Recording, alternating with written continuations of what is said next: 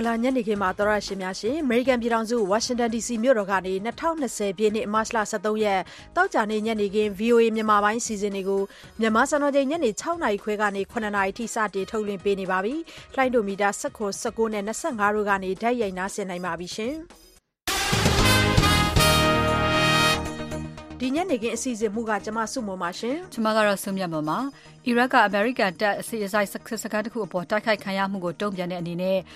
အီရန်ပံ့ပိုးနေတဲ့ လက်နက်ကိုင်အဖွဲ့ရဲ့ လက်နက်တိုက်ကို အမေရိကန်က လေကြောင်းကနေ တုံ့ပြန်တိုက်ခိုက်ခဲ့ပါတယ်။ ကနေဒါဝန်ကြီးချုပ် Justin Trudeau ရဲ့ဇနီးတဲ့ကိုရိုနာဗိုင်းရပ်စ်ပိုးကူးစက်နေတာကြောင့်ဝန်ကြီးချုပ်လည်းတခြားသူတွေနဲ့မတွေ့ဘဲသတင်းနှစ်ပတ်တီးခြားခွဲနေနေပါတယ်။အခုလိုနောက်ဆုံးရသတင်းတွေကိုကိုရန်နိုင်နဲ့အကြေညာပေးပါမယ်ရှင်။ဟုတ်ကဲ့ပါရှင်။တောက်ကြညနေခင်းအတွက်သောရရှင်တွေကိုတင်ဆက်ပေးမယ့်သတင်းတွေကတော့ကမ္ဘာ့ကျန်းမာရေးအဖွဲ့ကြီးကနေကမ္ဘာ့ကပ်ရောဂါအဖြစ်နဲ့သတ်မှတ်လိုက်ပြီးဖြစ်တဲ့ COVID-19 ရောဂါ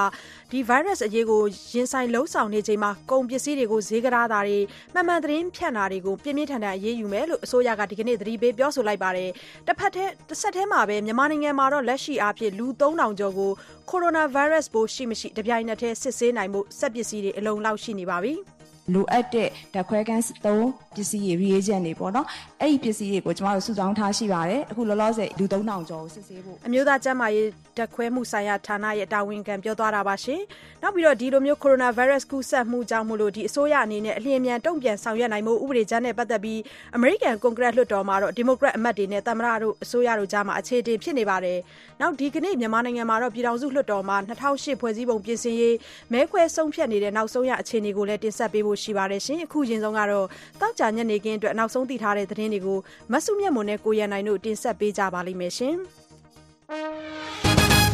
အီရတ်နိုင်ငံမှာအမေရိကန်နဲ့ပူးပေါင်းတပ်ဖွဲ့တွေအခြေစိုက်တဲ့စစ်စခန်းတစ်ခုတိုက်ခိုက်ခံခဲ့ရပြီး24နာရီအကြာမှာပဲအီရန်ပံ့ပိုးနေတဲ့လက်နက်ကိုင်အဖွဲ့ရဲ့လက်နက်တိုက်ကိုအမေရိကန်က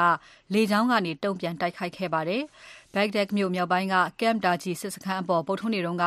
rocket ဒုံးတွေနဲ့ တိုက်ခိုက်မှုအတွင်း အမေရိကန်တပ်ဖွဲ့ဝင်2ယောက်နဲ့ ဗြိတိန်တပ်ဖွဲ့ဝင်1ယောက်သေဆုံးခဲ့ပြီး14ယောက် ထိခိုက်ဒဏ်ရာရခဲ့တာပါ။ဒါကိုတုံ့ပြန်တဲ့အနေနဲ့ ကြာသပတေးနေ့ညပိုင်းကနေ ဒီကနေ့တောက်ကြနေ့ အစောပိုင်းရောက်တဲ့အထိ ကာတာယီဟက်ဇ်ဘိုလာအဖွဲ့ လက်နက်သိုလောင်ထားတဲ့ နေရာ ၅ ခုကိုပြစ်မှတ်ထားပြီးတော့အမေရိကန်က လေကြောင်းကနေ တိုက်ခိုက်ခဲ့တာဖြစ်ပါတယ်။ Camp Taji စစ်စခန်းကို တိုက်ခိုက်ရမှာသုံးတဲ့ Katyusha rocket ဒုံးကျည်မျိုးတွေသိုလောင်ထားတဲ့နေရာတွေအပေါ် တိုက်ခိုက်ခဲ့တာဖြစ်တယ်လို့ Pentagon စစ်ဌာနချုပ်က ကြေညာချက်ထုတ်ပြန်ပါတယ်။အမေရိကန်စစ်စခန်းတွေကို တိုက်ခိုက် အမေရိကန်စစ်သည်တွေ သေဆုံးဒဏ်ရာရစေတဲ့ လုပ်ရပ်မျိုးကိုလုပ်ရင် ဒီအတိုင်းကြည့်နေမှာ မဟုတ်ဘူးလို့ ကာကွယ်ရေးဝန်ကြီး Mark Esper ကသတင်းထောက်တွေကို ပြောကြားခဲ့ပါတယ်။ တရုတ်နိုင်ငံမှာ သောကြာနေ့က COVID-19 ကိုရိုနာဗိုင်းရပ်စ် ကူးစက်ခံရသူ လူနာသစ် ၈ ဦးပဲ ရှိတယ်လို့ တရုတ်တာဝန်ရှိသူတွေက သတင်းထုတ်ပြန်လိုက်ပါတယ်။ဒါဟာ တရက်ထဲမှာတင် လူနာသစ် ထောင်ချီရှိခဲ့တဲ့ တရုတ်နိုင်ငံအတွက်တော့ အံ့အားသင့်စရာကောင်းတဲ့ တိုးတက်မှုလည်း ဖြစ်ပါတယ်။ကိုရိုနာဗိုင်းရပ်စ်ကို ပြီးခဲ့တဲ့ ဒီဇင်ဘာလက တရုတ်နိုင်ငံ ဝူဟန်မြို့မှာ စပြီးတွေ့ရှိခဲ့တာပါ။လူ ၁၀ ယောက်ထက်နည်းပြီး ရောဂါကူးစက်မှု ကျဆင်းလာတာဟာ အာရှနိုင်ငံတွေမှာ ရောဂါကင်းရှင်းသွားတော့မယ့် သဘောမျိုးတော့ မဟုတ်ပါဘူး။ကမ္ဘာတဝန်း ပျံ့နှံ့လာမယ့် COVID-19 ရောဂါ သည်တွေတရုတ်နိုင်ငံမှာထောင်နဲ့ချီရှိနေပါသေးတယ်။ရောဂါကာကွယ်ထိန်းချုပ်ရေးလုပ်ငန်းတွေကိုမရပ်မနားဘဲအသေးစိတ်အခိုင်အမာဆက်ပြီးလုပ်ကိုင်သွားမယ်ဆိုတာကိုကုလသမဂ္ဂအတွင်းရေးမှူးချုပ် Antonio Guterres ကိုတရုတ်သမ္မတရှီကျင့်ဖျင်ကတယ်လီဖုန်းနဲ့ကြာသပတေးနေ့ကပြောဆိုခဲ့ကြောင်းတရုတ်အစိုးရပိုင်ဆင်ဟွာသတင်းဌာနကပြောပါတယ်။ဒါ့အပြင်တရုတ်နိုင်ငံအနေနဲ့လည်းကိုရိုနာရောဂါပိုးနဲ့ပတ်သက်တဲ့အတွေ့အကြုံတွေကိုတခြားနိုင်ငံတွေနဲ့မျှဝေသွားဖို့ဆန္ဒရှိသလိုကာကွယ်ဆေးထုတ်လုပ်နိုင်ရေးသုတေသနလုပ်ငန်းတွေမှာလည်းတခြားနိုင်ငံတွေနဲ့ပူးပေါင်းလုပ်ကိုင်ဖို့အဆင်သင့်ရှိပါတယ်လို့သမ္မတရှီကအတွင်းရေးမှူးချုပ်ကိုပြောဆိုခဲ့တယ်ဆိုပြီးရှင်ဟွာသတင်းကဖော်ပြပါတယ်။အခုဆိုရင်ကမ္ဘာ့နိုင်ငံပေါင်း128နိုင်ငံကျော်မှာရောဂါကူးစက်ခံထားသူ၁သိန်း၃သောင်း၄ထောင်ကျော်ရှိနေပါတယ်ခင်ဗျာ။ ကိုရိုနာဗိုင်းရပ်စ်ပိုးကူးစက်မှုရဲ့ဂယက်ဒဏ်ခံနေရတဲ့ ဥရောပအစုရှယ်ယာဈေးကွက်တွေမှာ ဒီကနေ့ဈေးတွေတက်နေပေမဲ့ အရင်ရက်တွေကတချိန်တိုးထိုးကျခဲ့တဲ့ဈေးတွေကိုတော့ ပြန်မကာမိသေးပါဘူး။ London, Germany, Frankfurt, ပြင်သစ်ပါရီနဲ့ အီတလီမီလန်တို့က အစုရှယ်ယာဈေးကွက်တွေမှာ3ရာခိုင်နှုန်းထက်မနည်း ဈေးတွေတက်နေပါတယ်။ကြာသပတေးနေ့တုန်းကတော့1988ခုနှစ်ထဲကဆိုရင် စံချိန်တင်အောင် ဥရောပအစုရှယ်ယာဈေးတွေ ထိုးကျခဲ့တာပါ။အမေရိကန်ဗဟိုဘဏ်နဲ့ ဂျပန်ဗဟိုဘဏ်တို့က ဘဏ္ဍာရေးကျားကန်မှုတွေလုပ်နေတာနဲ့အတူ အမေရိကန်မှာ မကြာခင် အစုရှယ်ယာဈေးကွက်ဖွင့်တဲ့အခါမှာဈေးတွေပြန်တက်မဲ့ဘက်ကို ညွှန်ပြနေပါတယ်။ဈေးပိတ်သွားပြီဖြစ်တဲ့ အာရှဈေးကွက်တွေကတော့ ဈေးအကျတွေနဲ့ ဈေးပိတ်ခဲ့ပါတယ်။ American Wall Street ဈေးကွက်မှာ တနေ့ထဲမှာ Dow Jones အညွှန်းကိန်းဈေးတွေ22ရာခိုင်နှုန်းကျော်ကျဆင်းခဲ့လို့ Black Monday လို့တင်စားပြောတဲ့1988ခုနှစ်ထဲကဆိုရင် ကြာသပတေးနေ့က အစုရှယ်ယာဈေးတွေဟာ10ရာခိုင်နှုန်းအထိဈေးကျပြီး အနိမ့်ဆုံးဈေးကိုရောက်ခဲ့တာကြောင့် ဒီကနေ့ အာရှဈေးကွက်တွေမှာ ထိတ်လန့်ပြီး အစုရှယ်ယာတွေကို ထုတ်ရောင်းခဲ့ကြတာဖြစ်ပါတယ်။ ကနေဒါဝန်ကြီးချုပ် Justin Trudeau နဲ့ဇနီးမှာ Coronavirus ကူးစက်ခံထားရတယ်ဆိုတာကို စမ်းသပ်တွေ့ရှိပြီးတဲ့နောက် ဝန်ကြီးချုပ် Trudeau ဟာလည်း တခြားသူတွေနဲ့မတွေ့ဘဲနှစ်ပတ်ကြာ သူ့ဘာသာသူ သီးသန့်ခွဲပြီးနေသွားမှာ ဖြစ်ပါတယ်။ဝန်ကြီးချုပ်ကတော် Sophie Gregory Trudeau ကတော့ နေကောင်းတယ်လို့ ကနေဒါဝန်ကြီးချုပ်ရုံးက ကြာသပတေးနေ့ညက ပြောပါတယ်။ဒါ့အပြင် ဝန်ကြီးချုပ် Trudeau ဟာလည်း ကျန်းကျန်းမာမာရှိနေပြီး Coronavirus နဲ့ သက်ဆိုင်တဲ့ ဘာရောဂါလက္ခဏာမှ မပြရကြောင်း၊ဒါပေမယ့်လည်းဆရာဝန်တွေရဲ့အကြံပေးချက်အရဝန်ကြီးချုပ်ဟာ၁၄ရက်ကြာဘယ်သူနဲ့မှမတွေ့ဘဲတယောက်တည်းသီးသန့်ခွဲနေသွားမှာဖြစ်တယ်လို့ဝန်ကြီးချုပ်ရုံးရဲ့ကြေညာချက်ထဲမှာပြောထားပါတယ်။ကမ္ဘာတဝန်းမှာ Coronavirus ကူးစက်ခံထားရသူအရေအတွက်တိုးလာပေမယ့်လည်း Virus ကူးစက်ခံရသူတွေထဲကအတော်များများဟာပြန်ပြီးနေကောင်းလာတယ်လို့ကမ္ဘာ့ကျန်းမာရေးအဖွဲ့ချုပ် WHO ကပြောထားပါတယ်ခင်ဗျာ။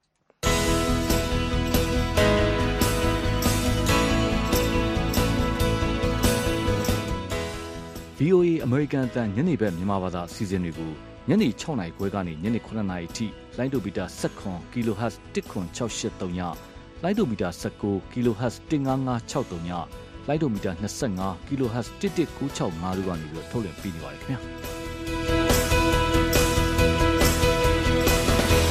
တောက်ချန်နေညနေပိုင်းနိုင်ငံတကာသတင်းတွေကို VOA ကဆက်ပြီးကြီးကြပေးနေပါတယ်။ Coronavirus ပိုးကြောင့်ဖြစ်တဲ့ COVID-19 ကပ်ရောဂါ ကာကွယ်ထိန်းချုပ်ကုသရေးအတွက် မြန်မာနိုင်ငံမှာ အမျိုးသားအဆင့် ဗဟိုကော်မတီဖွဲ့စည်းလိုက်ပါတယ်။နိုင်ငံတော်အတိုင်ပင်ခံ ဒေါ်အောင်ဆန်းစုကြည် ဥက္ကဋ္ဌအဖြစ်ဆောင်ရွက်တဲ့ ဒီဗဟိုကော်မတီမှာ အပြည်ပြည်ဆိုင်ရာ ပူးပေါင်းဆောင်ရွက်ရေး ပြည်ထောင်စုဝန်ကြီး၊ကျန်းမာရေးနဲ့ အားကစား ပြည်ထောင်စုဝန်ကြီးတို့က အတွင်းရေးမှူးတွေအဖြစ် ပါဝင်ပါတယ်။ကျန်းမာရေးနဲ့ အားကစားဝန်ကြီးဌာန အမြဲတမ်းအတွင်းဝန်နဲ့ ပြည်ထောင်စုအစိုးရရုံး အမြဲတမ်းအတွင်းဝန်တို့ကလည်း တွဲဖက်အတွင်းရေးမှူးတွေအဖြစ် ဆောင်ရွက်ကြမှာပါ။ COVID-19 ကပ်ရောဂါကာကွယ်ထိန်းချုပ်ကုသရေး အမျိုးသားအဆင့်ဗဟိုကော်မတီမှာ ပြည်ထဲရေး၊ကာကွယ်ရေး၊ဟိုတယ်ခရီး၊ပို့ဆောင်ဆက်သွယ်ရေး စတဲ့ မြန်မာနိုင်ငံမှာရှိတဲ့ ဝန်ကြီးဌာနအားလုံးနီးပါးက ဝန်ကြီးတွေလည်း အဖွဲ့ဝင်တွေအဖြစ် ပါဝင်ကြပါတယ်။ COVID-19 အဆုတ်ရောဂါ ကာကွယ်ထိန်းချုပ်ကုသရေးဆိုင်ရာ အရေးပေါ်အစည်းအဝေးကို မနေ့က ကျင်းပခဲ့ပြီးနောက် အမျိုးသားအဆင့် ဗဟိုကော်မတီကို ဒီနေ့ ဖွဲ့စည်းလိုက်တာပါ။ COVID-19 ရောဂါဟာ လူစုလူဝေးများတဲ့နေရာတွေမှာ ကူးစက်မှု မြန်ဆန်နိုင်တာကြောင့် သင်္ကြန်မဏ္ဍပ်တွေနဲ့ ရေကစားတာအပါအဝင် လူစုလူဝေးနဲ့ ကျင်းပတဲ့ အခမ်းအနားတွေ၊ပွဲလမ်းသဘင်တွေကို ဒီနေ့ မတ်လ ၁၃ ရက်နေ့ကစပြီး ဧပြီလ ၃၀ ရက်နေ့အထိ ကျင်းပခွင့်မပြု ရပ်ဆိုင်းထားတဲ့အကြောင်း နိုင်ငံတော်သမ္မတရုံးကလည်း အမိန့်ထုတ်ပြန်ပါတယ်။မတ်လ ၁၂ ရက် ကြာသပတေးနေ့ ည ၁၀ နာရီအချိန်အထိ မြန်မာနိုင်ငံမှာ COVID-19 ရောဂါဖြစ်ပွားသူ မရှိသေးဘူးဆိုတာကိုလည်း ထုတ်ပြန်ချက်မှာ ဖော်ပြထားပါတယ်။ ဒီရောဂါနဲ့ပတ်သက်လို့ ပြည်သူလူထုအနေနဲ့ သတင်းမှားတွေ ကောလဟာလတွေကို မယုံကြဖို့နဲ့ ကျန်းမာရေးနဲ့ အားကစားဝန်ကြီးဌာနက အချိန်နဲ့တပြေးညီ ထုတ်ပြန်ပေးနေတဲ့ သတိပေးနှိုးဆော်ချက်တွေအတိုင်း တိတိကျကျ လိုက်နာဆောင်ရွက်ကြဖို့ သမ္မတရုံးရဲ့ ထုတ်ပြန်ချက်မှာ တိုက်တွန်းထားပါတယ်။ Coronavirus ကူးစက်ပျံ့နှံ့မှုကာကွယ်ထိန်းချုပ်တဲ့အနေနဲ့အင်ဒိုနီးရှားနိုင်ငံထဲကထောင်နဲ့ချီတဲ့ဗလီတွေမှာပိုးသတ်ဆေးဖြန်းပြီးသန့်ရှင်းရေးလုပ်တဲ့လှုပ်ရှားမှုကိုအင်ဒိုနီးရှားအစိုးရကစတင်လိုက်ပါတယ်။သမ္မတ Joko Widodo နဲ့အစိုးရအဖွဲ့ဝင်ကြီးတွေဟာမြို့တော်ဂျကာတာအလယ်က Istiqlal ဗဟိုဗလီကြီးမှာသန့်ရှင်းရေးလုပ်တာကိုဒီကနေ့လာရောက်ကြည့်ရှုခဲ့ကြပါတယ်။လူ၁သောင်းကျော်ဝတ်ပြုဆုတောင်းနိုင်တဲ့ဒီဗလီဟာအင်ဒိုနီးရှားမှာအကြီးဆုံးဖြစ်ပြီးအစ္စလာမ်ဘာသာအဓိကကိုးကွယ်တဲ့နိုင်ငံရဲ့ဝိသေသလက္ခဏာလည်းဖြစ်ပါတယ်။အင်ဒိုနီးရှားနိုင်ငံဟာကမ္ဘာပေါ်မှာမွတ်ဆလင်အများဆုံးရှိတဲ့နိုင်ငံဖြစ်ပါတယ်။ နိုင်ငံတဝန်းလုံးက ဗလီတွေမှာ ဆက်ပြီးပိုးသတ်ဆေးတွေ သန့်ရှင်းရေးတွေ လုပ်သွားမှာဖြစ်ပြီး အထူးသဖြင့် Coronavirus ကူးစက်ထားတယ်လို့ သံသယရှိတဲ့ နေရာတွေကို ဦးစားပေး လုပ်ကိုင်သွားမယ်လို့ တာဝန်ရှိသူတွေက ပြောပါတယ်။စင်္ကာပူနိုင်ငံမှာတော့ Coronavirus ကူးစက်မှု ကာကွယ်ရေးအဖြစ်ဗလီတွေမှာ ပိုးသတ်ဆေးဖြန်းနိုင်ဖို့ အတွက်ဒီကနေ့မှာပိတ်ထားပါတယ်။ဘာသာရေးအခမ်းအနားတွေ၊ဘာသာရေးလှုပ်ရှားမှုအားလုံးကိုသီတင်း၂ပတ်ကြာရပ်နားထားမှာဖြစ်ပြီးဗလီတွေကိုတော့၅ရက်ပိတ်ထားမယ်လို့စင်္ကာပူအစ္စလာမ်ဘာသာရေးကောင်စီကကြေညာခဲ့ပါတယ်။တောင်ကိုရီးယားနိုင်ငံမှာတော့လူ၁၀၀ထက်မနည်း Coronavirus ကူးစက်ခံထားရတဲ့ရထားဘူတာတခုကိုပိုးသတ်ဆေးဖြန်းတာတွေအကြီးအကျယ်လုပ်ခဲ့ပါတယ်ခင်ဗျာ။ အမေရိကန်အနေနဲ့တာလီဘန်အဖွဲ့နဲ့ရရှိထားတဲ့သဘောတူညီချက်ကိုစွန့်လွှတ်ဖို့အသင့်မဖြစ်သေးပေမဲ့သဘောတူညီမှုဆက်လက်တည်မြဲရေးအတွက်သိပ်တော့အကောင်းမမြင်ဘူးလို့ Afghanistan ကအမေရိကန်တပ်များဆိုင်ရာအကြီးအကဲကပြောကြားလိုက်ပါတယ်။အမေရိကန်နဲ့ရယူထားတဲ့သဘောတူညီချက်တွေထဲကတချို့တဝက်ကိုပဲတာလီဘန်တွေဘက်ကလိုက်နာနေတယ်လို့ဗိုလ်ချုပ်ကြီး Kenneth McKenzie ကလွှတ်တော်အမတ်တွေကိုပြောကြားခဲ့တာဖြစ်ပါတယ်။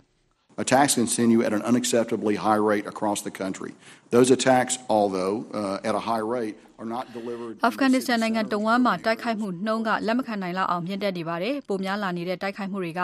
ပူးပေါင်းတပ်ဖွဲ့တွေရှိတဲ့နေရာတွေ၊မြို့လယ်နေရာတွေမဟုတ်ပေမဲ့ Afghan တပ်ဖွဲ့ဝင်တွေရဲ့ကင်းစခန်းတွေ၊စစ်စခန်းတွေအပေါ်တိုက်ခိုက်နေတာဖြစ်တယ်လို့အရှေ့အလယ်ပိုင်းဆိုင်ရာအမေရိကန်တပ်များရဲ့တပ်မှူးကြီးဗိုလ်ချုပ်ကြီး Kenneth McKenzie ပြောကြားခဲ့တာပါ။တာလီဘန်တို့ဘက်ကခုလိုတိုက်ခိုက်မှုတွေတိုးမြှင့်လုပ်နေတာဟာငြိမ်းချမ်းရေးရချင်ပါတယ်လို့ပြောနေတာနဲ့ဆန့်ကျင်နေတယ်လို့သူကပြောပါတယ်။၁၈နှစ်ကြာနေပြီဖြစ်တဲ့ Afghan စစ်ပွဲအဆုံးသတ်ရေးအတွက်ဖေဖော်ဝါရီလတုန်းက အမေရိကန်နဲ့ တာလီဘန်အဖွဲ့တွေကြား လက်မှတ်ထိုးထားတဲ့ သဘောတူညီချက်အရဆိုရင် ၁၄ လအတွင်း အမေရိကန်နဲ့ နိုင်ငံတကာပူးပေါင်းတပ်ဖွဲ့တွေအားလုံး Afghanistan နိုင်ငံထဲကနေ ရုပ်သိမ်းရမှာဖြစ်ပါတယ်။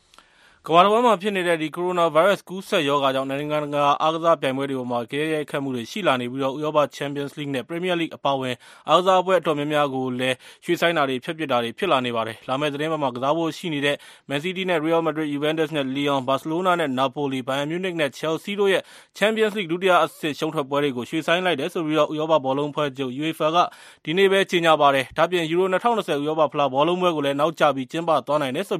သတင်းတွေ ထွက်လာနေပါတယ်။ UEFA အနေနဲ့လာမယ့်အင်္ဂါနေ့ကျရင် အဖွဲ့ဝင် ၅၅ နိုင်ငံကို အင်တာနက် အွန်လိုင်းပေါ်ကနေ အရေးပေါ်အစည်းအဝေးလုပ်ပြီးယူရို၂၀၂၀ဘောလုံးပွဲကျင်းပမယ့်ရက်တွေကို ရွှေ့ဆိုင်းဖို့နဲ့အခုနှစ်ချန်ပီယံစ်လိဂ်နဲ့ယူရိုပါလိဂ်ပွဲတွေ ဖျက်လာနိုင်ခြေတွေကိုလည်း ဆွေးနွေးသွားမှာဖြစ်တယ်လို့ သတင်းတွေက ဖော်ပြနေပါတယ်။အင်္ဂလန်ပရီးမီးယားလိဂ်မှာဆိုလည်း အာဆင်နယ်နည်းပြ Mikel Arteta နဲ့ချယ်လ်ဆီးကစားသမား Hudson-Odoi တို့မှာ ကိုရိုနာဗိုင်းရပ်စ် ကူးစက်ခံထားရပြီးနောက် အရေးပေါ် အစည်းအဝေးတရပ်ကို ဒီကနေ့မှာ ကျင်းပခဲ့ပြီးပရီးမီးယားလိဂ်ဘောလုံးပွဲတွေကို ဧပြီလ ၄ ရက်နေ့အထိ ရပ်ဆိုင်းလိုက်တယ်လို့ ပရီးမီးယားလိဂ်ကအင်တာနက်စာမျက်နှာကနေ ကြေညာထားပါတယ်။တဆက်တည်းမှာပဲ အမည်မဖော်တဲ့လက်စတာကစားသမားသုံးဦးမှာလည်း COVID-19 ရောဂါလက္ခဏာ တွေ့လာနေရတာကြောင့် သူတို့ဘာသာသူတို့ သီးသန့်ခွဲနေနေရတယ်လို့လက်စတာနည်းပြ Brendan Rodgers က ပြောပါတယ်။အမေရိကန်မှာတော့ MLS ဘောလုံးပွဲတွေကို တလ ရပ်နားထားလိုက်သလို မတ်လနဲ့ ဧပြီလမှာကစားမယ့် အမေရိကန် လက်ရွေးစင်အသင်းရဲ့ ပွဲတွေကိုလည်း ဖျက်လိုက်ပါတယ်။တချိန်တည်းမှာပဲ ဂျပန်နိုင်ငံနဲ့ နိုင်ငံတကာ အိုလံပစ်ကော်မတီ IOC တို့ကလည်း တိုကျိုအိုလံပစ်ပြိုင်ပွဲကို ဖျက်သိမ်းဖို့ ဒါမှမဟုတ် ရွှေ့ဆိုင်းဖို့ကိစ္စကို မစဉ်းစားထားဘူးလို့ ဂျပန်အိုလံပစ်ဝန်ကြီး Seiko Hashimoto ကဒီကနေ့သတင်းစာရှင်းလင်းပွဲမှာထပ်လောင်းပြောကြားလိုက်ပါတယ်ခင်ဗျာ။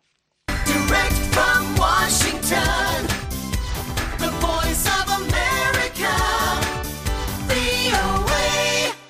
သောကြာညနေခင်းအတွက်နောက်ဆုံးသိထားတဲ့သတင်းတွေကိုမစုမြတ်မွန်နဲ့ကိုရန်နိုင်တို့တင်ဆက်ပေးခဲ့တာဖြစ်ပါတယ်။အခုအရင်ဆုံးထိပ်တန်းရောက်သတင်းလွှာတွေနဲ့သတင်းပေးပို့ချက်တွေကိုတင်ဆက်ပေးကြပါမယ်။ကိုရိုနာဗိုင်းရပ်စ်အရေးရင်ဆိုင်လုပ်ဆောင်နေချိန်မှာ ကုန်ပစ္စည်းတွေကို ဈေးကစားတာနဲ့ မမှန်သတင်းဖြန့်တာတွေကို ပြင်းပြင်းထန်ထန် အရေးယူမယ်လို့ အစိုးရက ပြောဆိုလိုက်ပါတယ်။အစိုးရအနေနဲ့ စနစ်တကျ စီမံဆောင်ရွက်နေတဲ့အတွက် လူထုအနေနဲ့ အစိုးရိမ်မလွန်ဖို့ကိုလည်း ပန်ကြားပါတယ်။ COVID-19 ရောဂါနဲ့ ပတ်သက်လို့ အစိုးရဘက်က အာမခံပြောဆိုချက်တွေ လုပ်ဆောင်ထားတာတွေအကြောင်း VOA သတင်းထောက် မမေခက ဆက်ပြောပြပါမယ်။ ကိုရိုနာဗိုင်းရပ်စ်ပိုး ပျံ့နှံ့ကူးစက်မှုမရှိအောင် အစိုးရအနေနဲ့ ကာကွယ်ထိန်းချုပ်နေသလို တခြားဆိုးကျိုးတွေ မရှိဖို့ပါ ကြိုတင်ပြင်ဆင်နေတာမို့ ပြည်သူတွေအနေနဲ့ အစိုးရိမ်မလွန်ကြဖို့နဲ့ သတိနဲ့ရှင်နေထိုင်ဖို့ သမ္မတရုံးပြောခွင့်ရ ဦးဇော်ဌေးက တိုက်တွန်းပြောဆိုသွားသလို လိုအပ်တဲ့ ကုန်ပစ္စည်းတွေကို ဈေးကစားသူတွေနဲ့ မမှန်သတင်းဖြန့်သူတွေကိုလည်း ပြင်းပြင်းထန်ထန် အရေးယူမယ်လို့ ဒီကနေ့ နေပြည်တော်မှာလုပ်တဲ့ သတင်းစာရှင်းလင်းပွဲအတွင်း ဦးဇော်ဌေးက သတိပေး ပြောဆိုသွားပါတယ်။ဈေးကစားတဲ့ အကျိုးမြတ်ရှာတဲ့ လုပ်ငန်းရှင်တွေ ရောင်းချတဲ့လူတွေကိုလည်းကျွန်တော်တို့အခုကလေးတိုင်းသတိပေးပါတယ်ကျွန်တော်တို့ထိထိရောက်ရေးယူမှာဖြစ်ပါတယ်နောက်ချက်ကတော့သတင်းမားတွေပေါ့နော်အခု Facebook မှာ Social Media မှာမဟုတ်မမှန်သတင်းတွေဟိုဖြန့်ဖြူးနေတဲ့လူတွေပေါ့နော်ပြည်သူလူထုကြားမှာအထိတ်တလန့်ဖြစ်အောင်လုပ်နေတဲ့လူတွေကျွန်တော်တို့သိရှိသိရှိရရင်ဖော်ထုတ်လို့ရရင်ဥပဒေနဲ့ညီကျွန်တော်တို့ပြင်းပြင်းထန်ထန်ရေးရေးယူသွားမှာဖြစ်ကြောင်းသတိပေးပြောကြားလိုပါတယ်ဒါနဲ့ပတ်သက်လို့လည်းကျွန်တော်တို့တချို့ website တွေသတင်းမှာ website တွေရှိပါတယ်အဲဒီ website တွေကနေမှ social media မှာ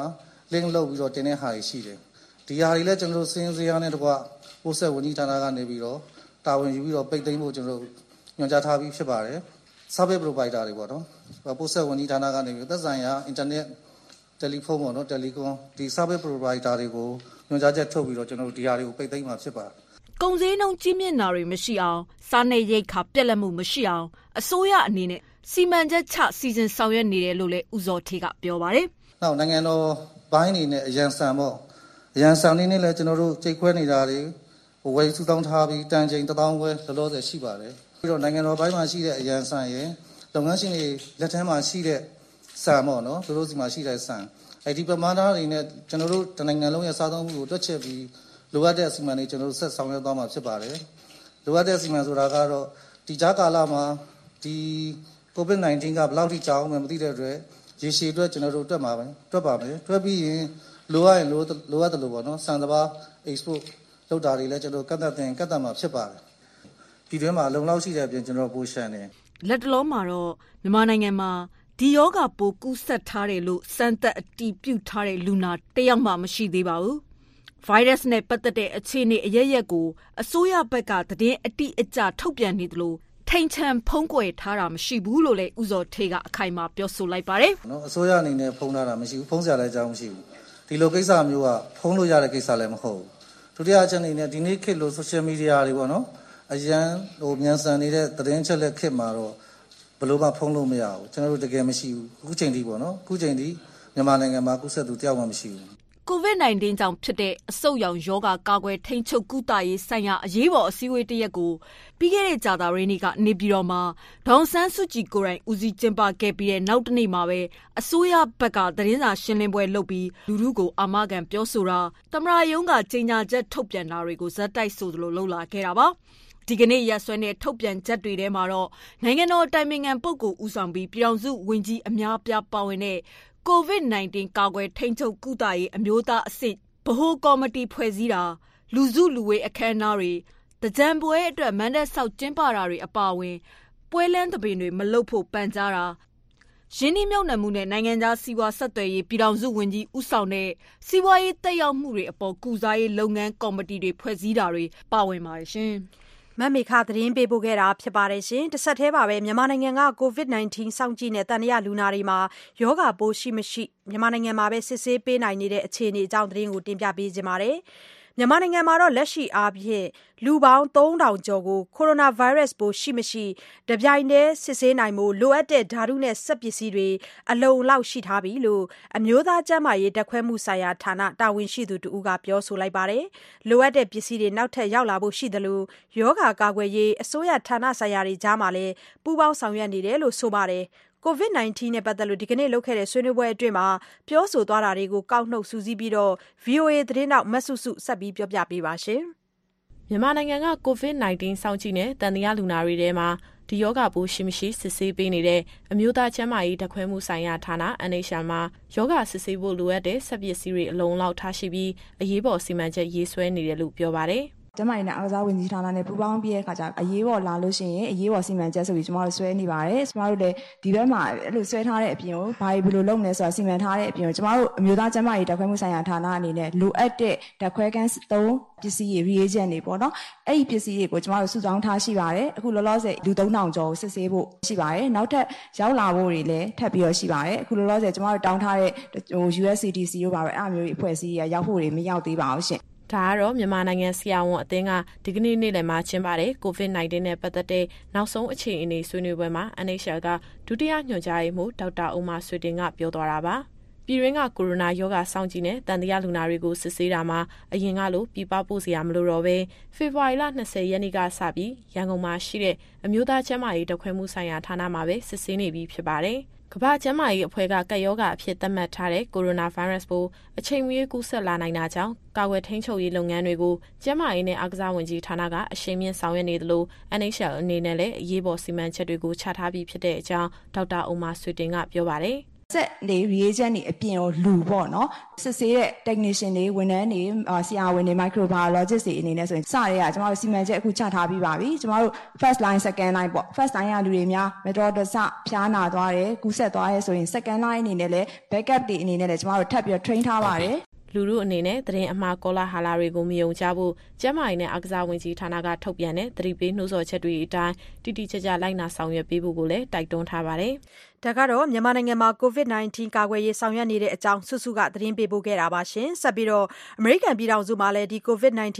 အရေးလွှတ်တော်နဲ့အစိုးရတို့ကြားအခြေတင်ဆွေးနွေးနေတဲ့အကြောင်းကိုတင်ပြပေးကြပါမယ်။ကိုရိုနာဗိုင်းရပ်စ်ကူးစက်မှုတွေကြောင့်ဖြစ်လာတဲ့အများပြည်သူကျန်းမာရေးနဲ့စီးပွားရေးဆိုင်ရာရိုက်ခတ်မှုတွေကိုအစိုးရကနေအလျင်အမြန်တုံ့ပြန်ဆောင်ရွက်နိုင်ရေးဥပဒေမူကြမ်းနဲ့ပတ်သက်လို့ကွန်ဂရက်လွှတ်တော်က ဒီမိုကရက်အမတ်တွေနဲ့ သမ္မတ Trump အစိုးရတို့ကြား အခြေတင် ဖြစ်နေပါတယ်။အမေရိကန်ပြည်ထောင်စုမှာ ကိုရိုနာဗိုင်းရပ်စ်ကြောင့် ကြုံလာရတဲ့ အကျပ်အတည်း ပိုဆိုးဝါးလာနေတာမှာ အစိုးရရဲ့ တုံ့ပြန်ဆောင်ရွက်မှုတွေက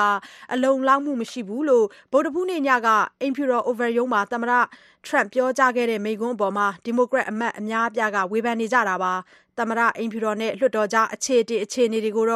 VOA လွှတ်တော်ဆိုင်ရာ သတင်းထောက် Catherine Gibson သတင်းပေးပို့ထားတာမခင်ဖြူထွေးပြောပြပေးပါရှင်။ ကိုရိုနာဗိုင်းရပ်စ်ကူးစက်မှုတွေကြောင့်အဆိုရှယ်ယာဈေးတွေ ကျနေတာကပတယ်လွှတ်တော်နဲ့ တရားရုံးချုပ် အဆောက်အဦတွေထဲ အများပြည်သူ လာရောက်လည်ပတ်မှုတွေ ပိတ်ထားရတာ နောက် သိပ်မကြာခင် ရက်ပိုင်းတုန်းကပဲ သမ္မတနဲ့ ဒုသမ္မတတို့နဲ့အတူ ရှိနေခဲ့တဲ့ ဘရာဇီး အစိုးရအရာရှိတဦးမှာ ကိုရိုနာဗိုင်းရပ်စ် ကူးစက်ခံထားရတဲ့အကြောင်း အတည်ပြုလိုက်တာ စတဲ့ ဒီလို အခြေအနေတွေကြောင့် မြို့တော် ဝါရှင်တန်မှာတော့ စိုးရိမ်ထိတ်လန့်မှုတွေ ကြီးထွားလာနေပါတယ်။ ဒါပေမဲ့ဒီအထဲမှာသမ္မတအိမ်ဖြူတော်တော့မပါပါဘူး။“ကျနော်တို့အခြေအနေကသိပ်ကိုကောင်းပါတယ်”လို့သမ္မတ Donald Trump ကပြောသွားတာပါ။သမ္မတရဲ့အခုလိုအပြောကလက်ရှိမှာကိုရိုနာဗိုင်းရပ်စ်ကြောင့်သေဆုံးမှုတွေတိုးလာနေပြီးတော့ Wall Street က အစုရှယ်ယာဈေးတွေ စံချိန်တင် ထိုးကျနေတဲ့ လက်တွေ့ အခြေအနေနဲ့ ကိုက်ညီမှု မရှိဘူးလို့ ဒီမိုကရက်တွေကတော့ ဝေဖန်ကြပါတယ်။ Trump administration has mounted an opaque and often chaotic response. ကိုရိုနာဗိုင်းရပ်စ် ကူးစက်မှုတွေနဲ့ ပတ်သက်ပြီးတော့တုံ့ပြန်ဆောင်ရွက်မှုတွေကို Trump အစိုးရက ပိုပြီး ရှုပ်ထွေးအောင် လုပ်နေတာပါ။အောက်လွှတ်တော်ဥက္ကဋ္ဌနန်စီပလိုစီပြောသွားတာပါ။အမေရိကန်ပြည်ထောင်စုမှာအခုအချိန်အထိ ကိုရိုနာဗိုင်းရပ်စ် ရှိမရှိ စစ်ဆေးမှုပေါင်း ၁၁,၀၀၀ သာ ရှိသေးပြီး ဒါဟာ တောင်ကိုရီးယားနိုင်ငံမှာ တနေ့တာ စစ်ဆေးတဲ့ အရေအတွက်နဲ့ ညီမျှပါတယ်။ဒါကိုလည်း ဒီမိုကရက်တွေက ထောက်ပြဝေဖန်ကြပါတယ်။ The administration has no good answers, no plan. ဆိုတော့အနေနဲ့ ကောင်းမွန်တဲ့ဖြေရှင်းမှု ဘာအစီအစဉ် ဘာဥဆောင်မှုမှ မလုပ်နိုင်သေးပါဘူး။ဒီပေါ် ပါတီနေရာစလုံးက အဖွဲ့ဝင်တွေ အားမလို့အားမရဖြစ်တာ မကျေနပ်တာတွေ ရှိနိုင်ပါတယ်။ပြစ်ခွင့်လည်း ရှိပါတယ်။အခုလို အင်မတန်စိုးရိမ်ရတဲ့ အများပြည်သူကျန်းမာရေး အရေးပေါ်အခြေအနေမှာ သမ္မတအိမ်မီတော်အနေနဲ့ စစ်မှန်တဲ့ဥဆောင်မှုပြပြီး လက်တွေ့လှုပ်ဆောင်ရမယ့်အချိန် ဖြစ်ပါတယ်။ အောက်လွှတ်တော်ဒီမိုကရက်အမတ် Patrick Maloney ပြောသွားတာပါ။လာမယ့်2020ရွေးကောက်ပွဲမှာ သမ္မတ Trump နဲ့ရှင်ပြိုင်ဖို့ ဒီမိုကရက်တစ်ပါတီ သမ္မတလောင်း ဖြစ်လာနိုင်ခြေရှိနေတဲ့ ဒုသမ္မတဟောင်း Joe Biden ကလည်း အခုကိစ္စမှာ သမ္မတ Trump အနေနဲ့ အောင်အောင်မြင်မြင် ဦးဆောင် မကင်တွယ်နိုင်ဘူးဆိုပြီး ဝေဖန်ပါတယ်။ And our ability to drive a global response ကမ္ဘာလုံးဆိုင်ရာ တုံ့ပြန်ဆောင်ရွက်မှုတွေမှာ ကျွန်တော်တို့ရဲ့ဖန်ဆောင်နိုင်စွမ်း ကမ္ဘာနိုင်ငံတွေနဲ့ ဆက်ဆံရေး ဒီနိုင်ငံတွေရဲ့ ယုံကြည်ကိုးစားမှုတွေကို ထိခိုက်အောင် Trump က လုပ်နေတာပါ။ Republican တွေကတော့ယောဂကူးစက်တဲ့နေရာဒေသတွေကလေရင်ခီးစဉ်အများပြားကိုသမ္မတ Trump ကပိတ်လိုက်တဲ့အပေါ်မှာချီးကျူးပြောဆိုကြသလိုအခွန်လျှော့ချရေးသမ္မတရဲ့အဆိုပြုချက်ကလည်းအမေရိကန်စီးပွားရေးပြန်လည်အားကောင်းအောင်လုပ်ပေးနိုင်လိမ့်မယ်လို့ဆိုပါတယ်။ဒီမိုကရက်တွေကသာလက်တွေ့ကြုံနေရတဲ့အကျပ်အတည်းကိုနိုင်ငံရေးရည်ရွယ်ချက်အတွက်အသုံးချနေတာလို့အထက်လွှတ်တော်လူများစုခေါင်းဆောင် Republican အမတ် Mitch McConnell ကစွပ်စွဲပြောဆိုပါတယ်။ Unfortunately, it appears at this hour that the Speaker and House Democrats အခုလိုအချိန်မျိုးမှာ အောက်လွှတ်တော်ဥက္ကဋ္ဌနဲ့ လွှတ်တော်အမတ်တွေက ကိုယ့်အကျိုးအတွက် လိုရာရဖို့ နိုင်ငံရေးလုပ်နေတာကတော့ စိတ်မကောင်းစရာပါပဲ ဒီမိုကရက်တွေရဲ့ အဆိုပြုချက်တွေထဲမှာတော့ ဝင်ငွေနဲ့အလုပ်သမားတွေကို အထောက်အကူဖြစ်စေမဲ့လစာမပြတ် ဆေးခွင့်နဲ့ ဆေးဝါးအာမခံပေးဖို့ ဆိုတာတွေ ပါပါတယ်။ကိုရိုနာဗိုင်းရပ်စ် ကူးစက်ပြန့်နှံ့မှုတွေကြောင့် အကျက်အတဲတွေ လက်တွေကြုံလာနေကြရတာမှာ ဒါကို ဖြေရှင်းကင်တွယ်နိုင်ဖို့အတွက် အမေရိကန် လွှတ်တော်အမတ်တွေကလည်း ဝိုင်းဝန်း ကြိုးပမ်းနေကြတာ ဖြစ်ပါတယ်ရှင်။ ဒါကတော့ အမေရိကန်ပြည်ထောင်စုမှာ COVID-19 အရေး လွှတ်တော်နဲ့ အစိုးရတို့ကြား ဆွေးနွေးနေတဲ့ အခြေအနေမခင်ဖြူထွေးပြောပြပေးခဲ့တာပါရှင်။ဆက်ပြီးတော့ မြန်မာနိုင်ငံမှာ2008အခြေခံဥပဒေ ပြင်ဆင်ရေး လွှတ်တော်တွင်းမှာဆောင်ရွက်နေတဲ့ အခြေအနေကိုလည်း တင်ပြပေးချင်ပါတယ်။2008ဖွဲ့စည်းပုံအခြေခံဥပဒေပါ ပြဋ္ဌာန်းချက်တွေကို ပြင်ဆင်နိုင်ရေးမှာ အဓိက အတားအဆီးတွေဖြစ်နေတဲ့ ပုံမှန်436ကာကြီးနဲ့ခါခွေးအပါအဝင် ပုံမှန်ပုံမှန်ခွဲ12ခုကို ပြင်ဆင်ပယ်ဖျက်ရေး ဒီကနေ့ မဲခွဲဆုံးဖြတ်တာမှာတော့လုံလောက်တဲ့ လိုအပ်တဲ့ ထောက်ခံမှုတွေ အလုံလောက် မရခဲ့ဘူးလို့ သိရပါတယ်။ဒီကနေ့ ပြည်ထောင်စုလွှတ်တော်အတွင်း မဲခွဲဆုံးဖြတ်ခဲ့တဲ့ နောက်ဆုံးရ အခြေအနေကိုတော့ကိုမိုးစော်ဆက်ပြီးပြောပြပေးပါရှင်။ ဟုတ်ကဲ့2008ဖွဲ့စည်းပုံအခြေခံဥပဒေကိုပြင်ဆင်ဖို့ဆိုရင်လူထုရွေးကောက်တဲ့လွှတ်တော်ကိုယ်စားလှယ်အားလုံးကထောက်ခံပေမဲ့တမတော်သားလွှတ်တော်ကိုယ်စားလှယ်အ ਨੇ ဆုံးတစ်ယောက်ရဲ့ထောက်ခံချက်မပါရင်ပြင်ဆင်လို့မရတဲ့ပုံမှန်တွေဖြစ်တဲ့ပုံမှန်436ကာကြီးနဲ့ခါခွေးအပါအဝင် ပုံမှန်ပုံမှန်ခွဲတွေကိုမဲခွဲဆုံးဖြတ်တာဖြစ်ပါတယ် ဒီနေ့ မဲခွဲရမှာ ပြည်ထောင်စုလွှတ်တော်ကိုယ်စားလှယ်တွေရဲ့85ရာခိုင်နှုန်းကျော်က သဘောမတူတာကြောင့် မူလအတိုင်းထားဖို့ ဆုံးဖြတ်ခဲ့ကြောင်း ပြည်ထောင်စုလွှတ်တော်နာယက ဦးတီခွန်မြတ်က ကြေညာခဲ့ပါတယ် ပုံမှန်436ပုံမှန်ခွဲကကြီးပြင်ဆင်မှုအတွက် ထောက်ခံဆန္ဒမဲ့414မဲဖြစ်ပါတယ် ထောက်ခံဆန္ဒမဲ့85ရာခိုင်နှုန်း မကျော်တဲ့အတွက် မူလအတိုင်းဖြစ်ကြောင်း ကြေညာပါတယ် ပုံမှန်436ပုံမှန်ခွဲခခွေပြင်ဆင်မှုအတွက်ထောက်ခံဆန္ဒမဲ့473မဲဖြစ်ပါတယ်ထောက်ခံဆန္ဒမဲ့85ရာခိုင်နှုန်းမကျော်တဲ့အတွက်မူလအတိုင်းဖြစ်ကြောင်းကြေညာပါတယ် ဖွဲ့စည်းပုံအခြေခံဥပဒေ ပုံမှ436ပုံမှခွဲကာကြီးကဖွဲ့စည်းပုံပါ ပုံမှအချို့ကို ပြင်ဆင်မယ်ဆိုရင် ပြည်ထောင်စုလွှတ်တော် ကိုယ်စားလှယ်တွေရဲ့85ရာခိုင်နှုန်းကျော် သဘောတူရမယ်။နောက် ပြည်လုံးကျွတ်ဆန္ဒခံယူပွဲမှာ မဲပေးခွင့်ရှိသူရဲ့ ထက်ဝက်ကျော် ဆန္ဒမဲနဲ့ ပြင်ဆင်ရမယ်ဆိုတာနဲ့ ပုံမှ436ခါခွေးမှာတော့ကြံပုံမှတွေကို ပြည်ထောင်စုလွှတ်တော် ကိုယ်စားလှယ်အားလုံးရဲ့85ရာခိုင်နှုန်းကျော် ထောက်ခံမှုနဲ့ ပြင်ဆင်ရမယ်ဆိုပြီး ဖော်ပြထားတာပါ လက်ရှိမဲခွဲဆုံးဖြတ်တာက မူလပုံမှ436ကာကြီးပါ ပြည်ထောင်စုလွှတ်တော်ကိုယ်စားလှယ်တွေရဲ့85ရာခိုင်နှုန်းကျော်အစားသုံးပုံနှစ်ပုံကျော် သဘောတူရင် နောက် ပြည်လုံးကျွတ်ဆန္ဒခံယူပွဲမှာ မဲပေးခွင့်ရှိသူရဲ့ ထက်ဝက်ကျော်အစား မဲပေးသူရဲ့ ထက်ဝက်ကျော် သဘောတူရင်ဆိုတဲ့ ပြင်ဆင်ချက်တွေအပေါ် မဲခွဲတာပါ ပုဒ်မ436ခါခွေးမှာတော့ ပြည်ထောင်စုလွှတ်တော်ကိုယ်စားလှယ်အားလုံးရဲ့85ရာခိုင်နှုန်းကျော်အစား3ပုံ2ပုံကျော် ထောက်ခံခဲ့ရင်လို့ ပြင်ဆင်ထားတာဖြစ်ပါတယ်။ပုဒ်မ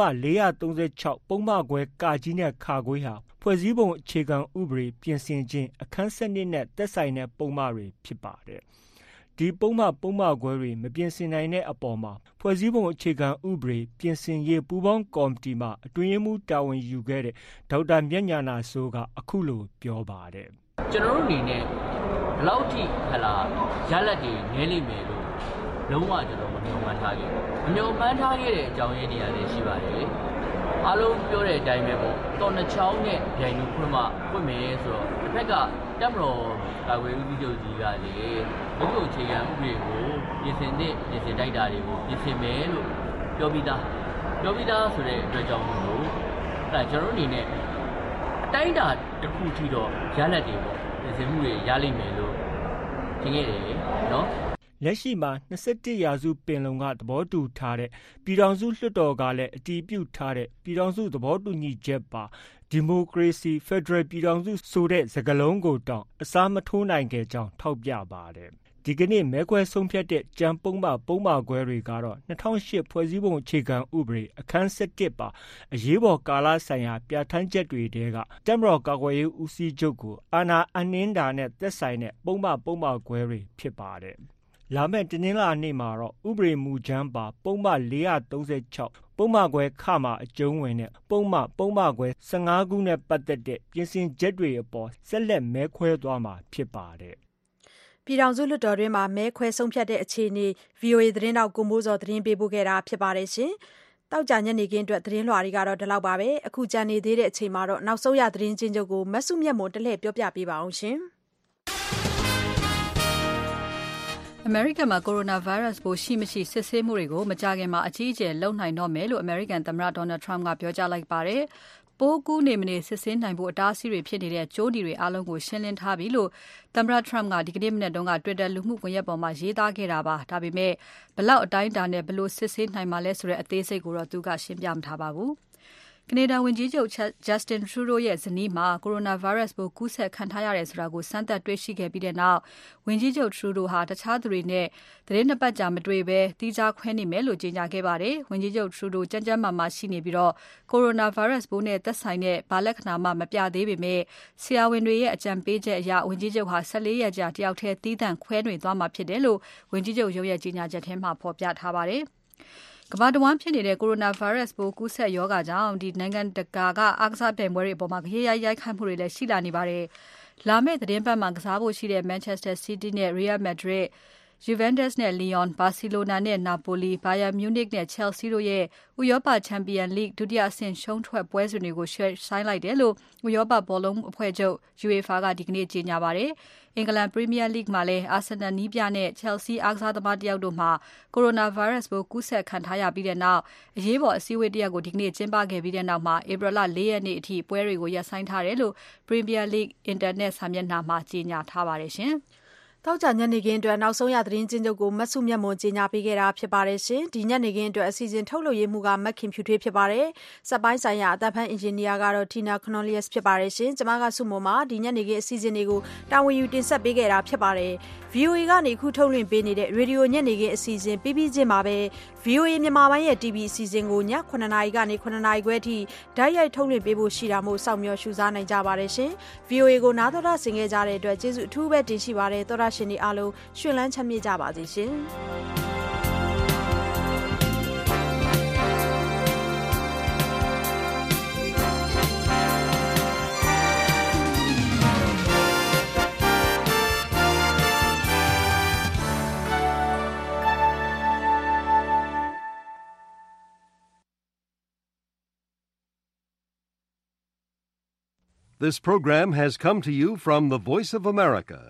Washington.